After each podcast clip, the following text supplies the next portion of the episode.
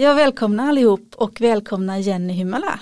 Tack så mycket, kul Du att vara är, här. ja, kul att ha dig här och det är första gången för dig i podden. Ja det är det, spännande. Ja, är det lite nervöst? Ja men lite är det alltid. Ja, precis. Det är ny teknik och sådär.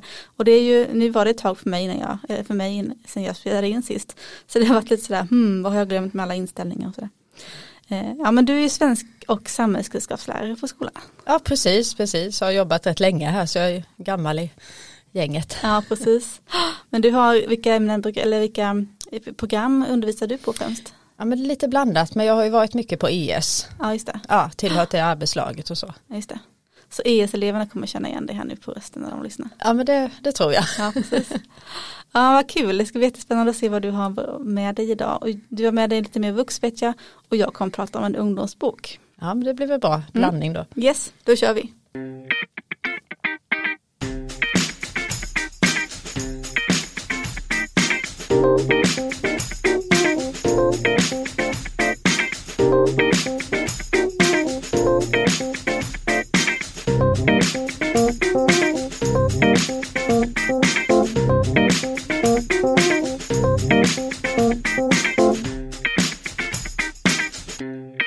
Så Jenny, berätta. Vilken bok har du med dig? Jag har med mig Jonas Gardells senaste roman. Den heter Ett lyckligare år.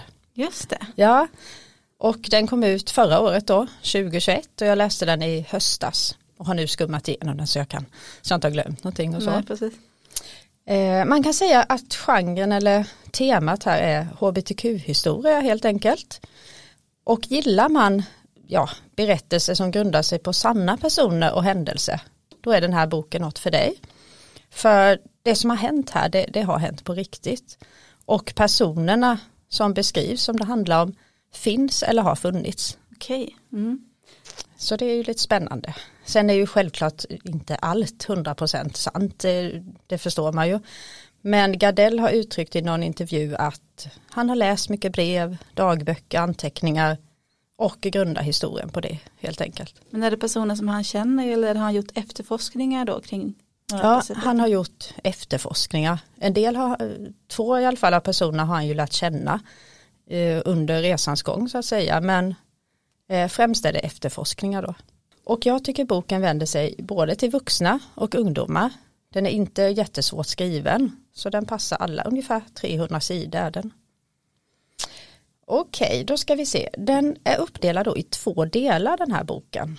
Del 1 utspelar sig på 1800-talet och del 2 på 1900-talet, ungefär 1960-1970-tal är vi då.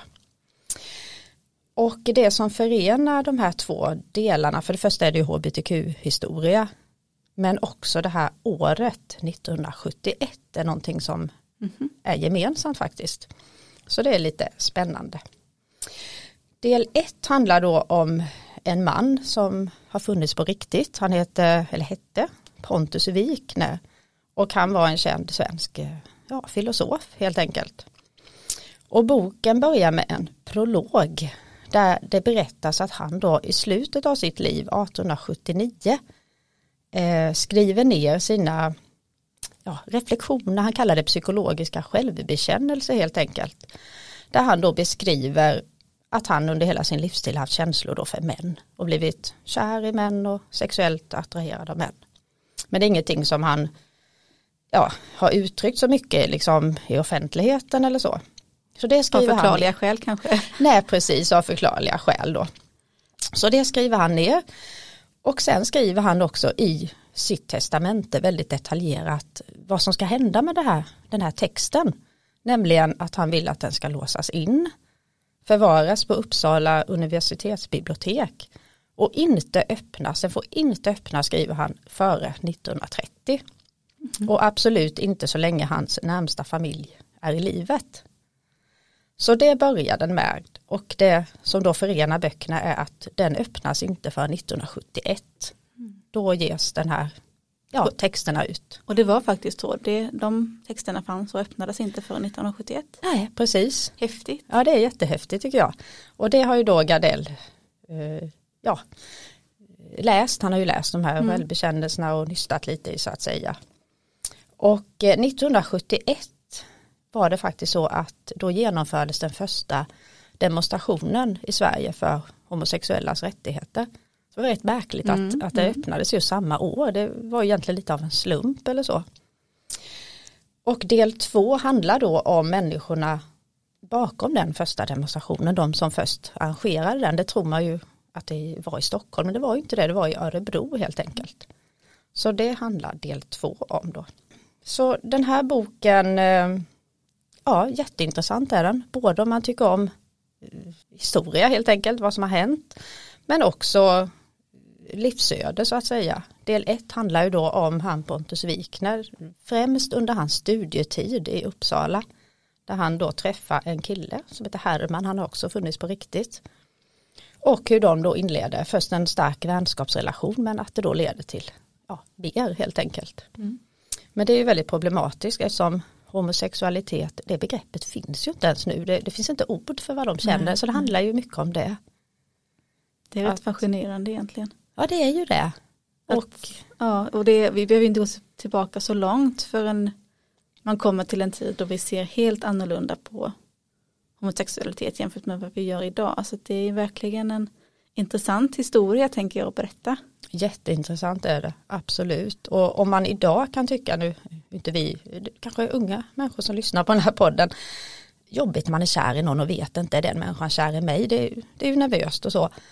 Men det måste ju varit extremt nervöst på 1800-talet och, vet, och inte veta vad den här andra av samma kön känner. När det är liksom inte alls något man pratar om. Det måste ju vara en väldig mur mm. så att säga.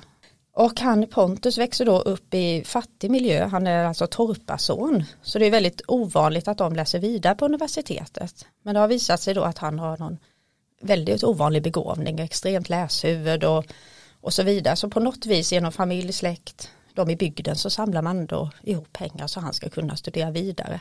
Är man intresserad också lite av studentlivet, antingen man har tänkt studera på universitet eller har gjort det som jag, så är det också en intressant skildring för det skildrar liksom det livet där. Mm. Och det var ju ändå 1800-tal men det är ganska likt tyckte jag. Det var mösspåtagning och firade valborg och pluggade till tentor och hade lite fester. Så det var mm. roligt att läsa om det, historien också faktiskt. Och sen går vi in då på del två som eh, utspelar sig främst eh, trakterna runt Örebro. Och där möter vi en, eh, en kille och sen en man som heter Ronny. Och Ronny har också, eller han finns på riktigt, men han heter någonting annat. Han fick tyvärr byta identitet och gå under jorden för han, han blev så utsatt i slutet mm. på grund av sin ja, öppna läggning om man säger mm. så. Han växer upp där omkring och då är det också 1960-tal. Och han börjar också känna känslor då för andra killar men förstår ju precis lite som som Wikner här i första att det här är ju ingenting som jag kan skylta med eller vara öppen med. Det, det är nog lite förbjudet och det, ska jag, det, är, det är mm. onaturligt och allt det här tankarna han har. Men eh, så hör han, råkar han höra ett radioprogram en gång där på 60-talet där någon pratar liksom positivt om det här ändå. Ja, men homosexuella, varför ska de inte kunna känna lycka och kärlek och ha det bra och allt sånt. Och det tar han fasta på, det förändrar hans liv lite. Han börjar tänka att jag, jag vill också vara lycklig ungefär. Och då leder det hans eh, upplevelser eller känslor och allting till att han faktiskt startar en, eh, en klubb helt enkelt, förening för homosexuella i Örebro. Och, eh, och i den klubben då, några människor som, som går med där, det är de sen som ligger bakom den här första demonstrationen i Sverige helt enkelt. Är det, jag tänker på, är det främst eh, manlig homosexualitet som syns i boken eller den här demonstrationen var det även kvinnor som var med? Och, och mm, intressant att du säger det, det var faktiskt en eller två kvinnor som, som var drivkraften bakom det. Främst var det ju Ronny då. Men del två handlar också om Vanja och Kerstin. Kerstin jag tror det är Kerstin som fortfarande lever, de har ju också funnits, en av dem tyvärr mm, har gått mm. bort då. Vanja växer också upp under den här tiden och känner känslor då för andra kvinnor och har lite samma tankar som Ron, hur ska det gå? Mm. Och sådär men söker sig ändå till RFSL i Stockholm där hon då får veta att det finns en klubb i Örebro. Så hon åker dit en kväll, kör väldigt många mil, det fick man göra på den här tiden, det var mm, inte så mm. att det fanns någon klubb i varje stad direkt. Och där träffar hon både Ronny och Kerstin. Och Kerstin blir, blir då hennes eh, livskamrat. Och de går ut i både tv och tidning och pratar om sin relation och det är stora rubriker för de pratar minsann om att man kanske ska gifta sig och det är ju mm. helt otroligt äh, faktiskt på den här tiden, mm. 60 i början på 70. Och då råkar Vanja bara kläcka ur sig i tv, vi ska ha en demonstration. Och det är ingenting som de har pratat om eller bestämt så de blir lite oroliga, vad säger du, ska vi ha en demonstration, mm. de här Ronny och Kerstin.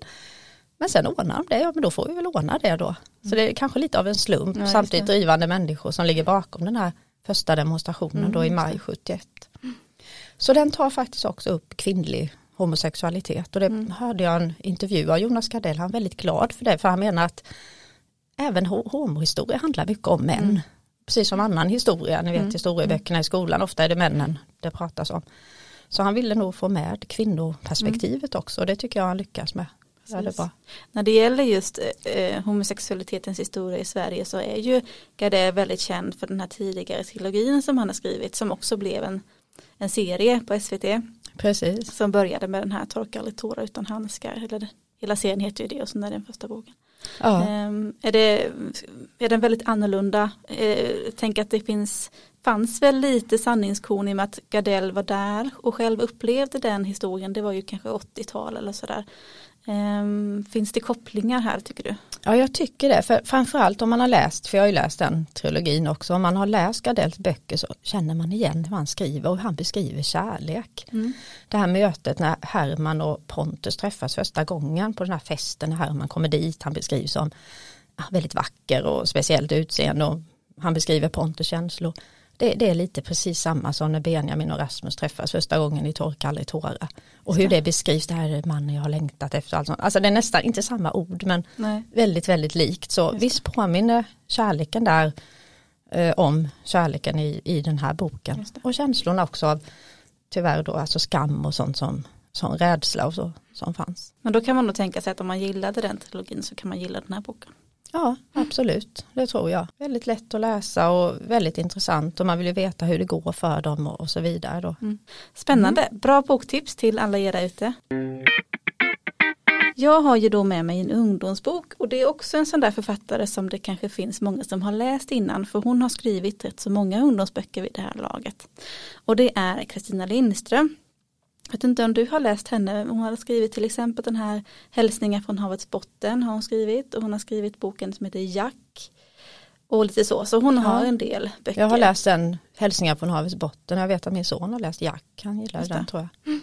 Och jag kan väl säga det att den här boken är hennes senaste och den heter Så nära att det bränns.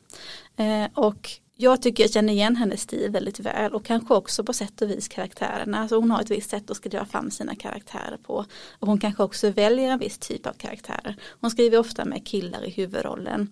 I den här boken så är det en kille och en tjej som ungefär varvar kapitel så att det är bådas perspektiv och man hoppar lite grann mellan dem. Mm, ja, det låter ju bra, intressant. Ja, precis och det här är då Max får vi möta här och alldeles liksom i början av boken så finns det en slags ja, en, innan kapitel 1 så kommer ett avsnitt som är ett något typ av förhör förstår man och det är Max som sitter där och det står att han är inte misstänkt men de vill veta vad som hände den där kvällen. Mm. så någonting har ju hänt och Max är involverad på något vis. Och det är ungefär där det slutar, alltså mer än så får vi inte veta och sen börjar boken på riktigt. Och då börjar den med att Max precis har kommit, eh, liksom gått från sin boxningsträning. Han är rätt så laddad som man kan bli efter att ha liksom jobbat fysiskt och sådär. Och han ska sticka in bara lite hastigt på ett fik och ta en fika.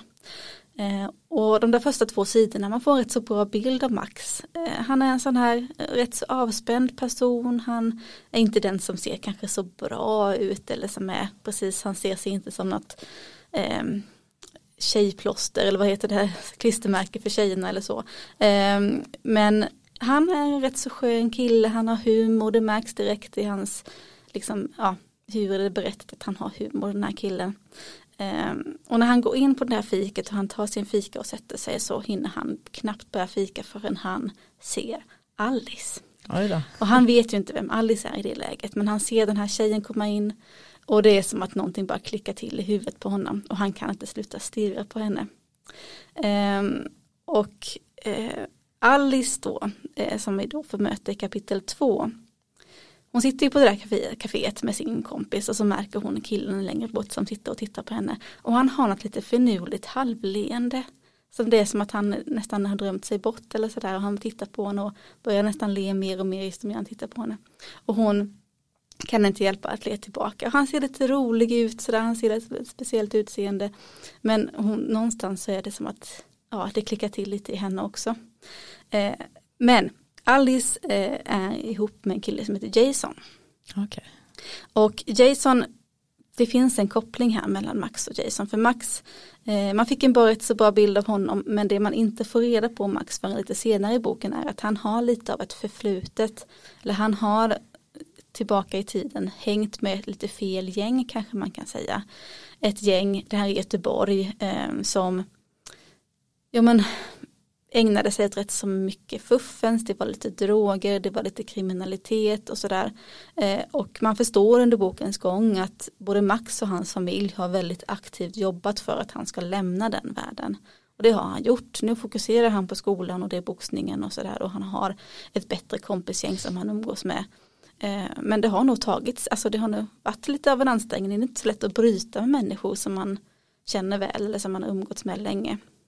Och förebilden, om man ska säga frontfiguren i det här gänget är ju då Jason. Aha, ja. Och Max okay. eh, vet ju mycket väl vem han är och Jason vet vem han är. Eh, men Max har ju lämnat den svängen lite då. Eh, så han vet ju inte när han ser Alice, den här tjejen som han bara fastnar för direkt. Han vet ju inte att det är Jasons flickvän. Eh, men på en fest tror jag det är, eller någon sån här lite fritidsgård eller sådär, eh, några dagar senare så springer han på Jason och Jason är direkt, ja men Max hade du kom sådär. Och det är svårt att stå emot så att han, det blir väl lite grann att han står och pratar och då kommer också Alice och det framgår att hon är hans flickvän. Eh, Max blir liksom mer och mer indragen, han har svårt att slita sig från Alice, han vill lite grann se vad som händer där. Eh, men samtidigt inser han att han kan inte göra någon som helst move på Jasons flickvän, det går bara inte. Um, och Alice då, hennes perspektiv är ju att man får en inblick i både i hennes förstås men också i den här killen Jason och vilken obehaglig person han är.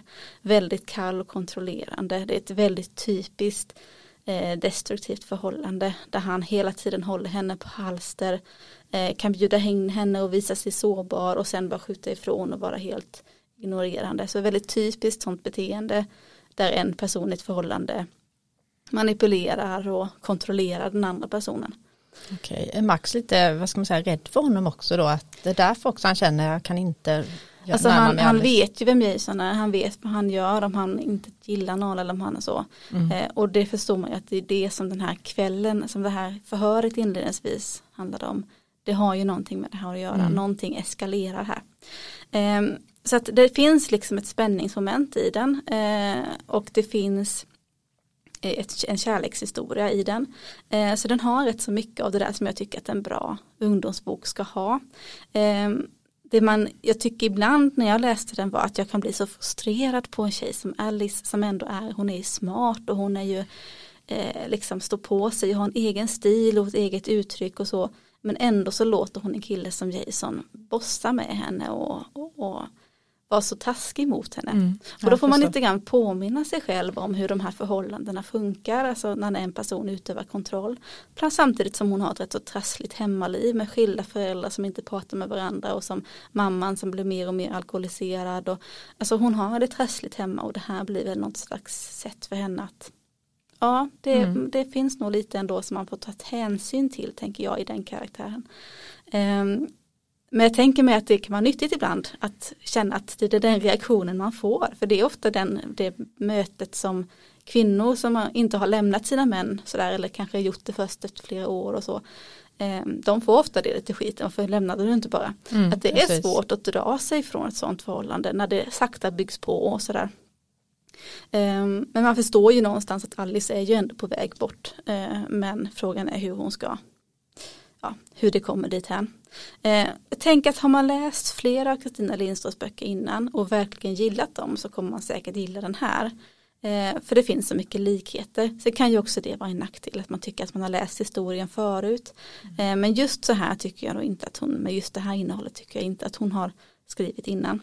Eh, så att en stadig, liksom, vad heter det, stabil ungdomsbok som levererar det den ska ha så att säga. Ja, det verkar ju som man vill läsa vidare efter den inledningen. Man vill ju veta, Mm, antar vad som har hänt egentligen. Och hon skriver ju inte särskilt svårt och den ligger på, vad ligger den på, 250 sidor kanske, 260. Mm. Eh, så den är inte särskilt svårläst heller. Så jag tycker nog att det är en sån ungdomsbok som de flesta skulle kunna få ut någonting av. Ja, det är spännande. Får man prova den sen då. Absolut. Ja det var veckans, eller då, ja, ungefär veckovis kommer det ut, eh, men dagens eh, boktips från oss. Hoppas att du kommer tillbaka till podden någon gång Jenny. Ja, hoppas jag med. Tack för att jag fick komma. Ja, jättekul. Hej så länge. Hej hej.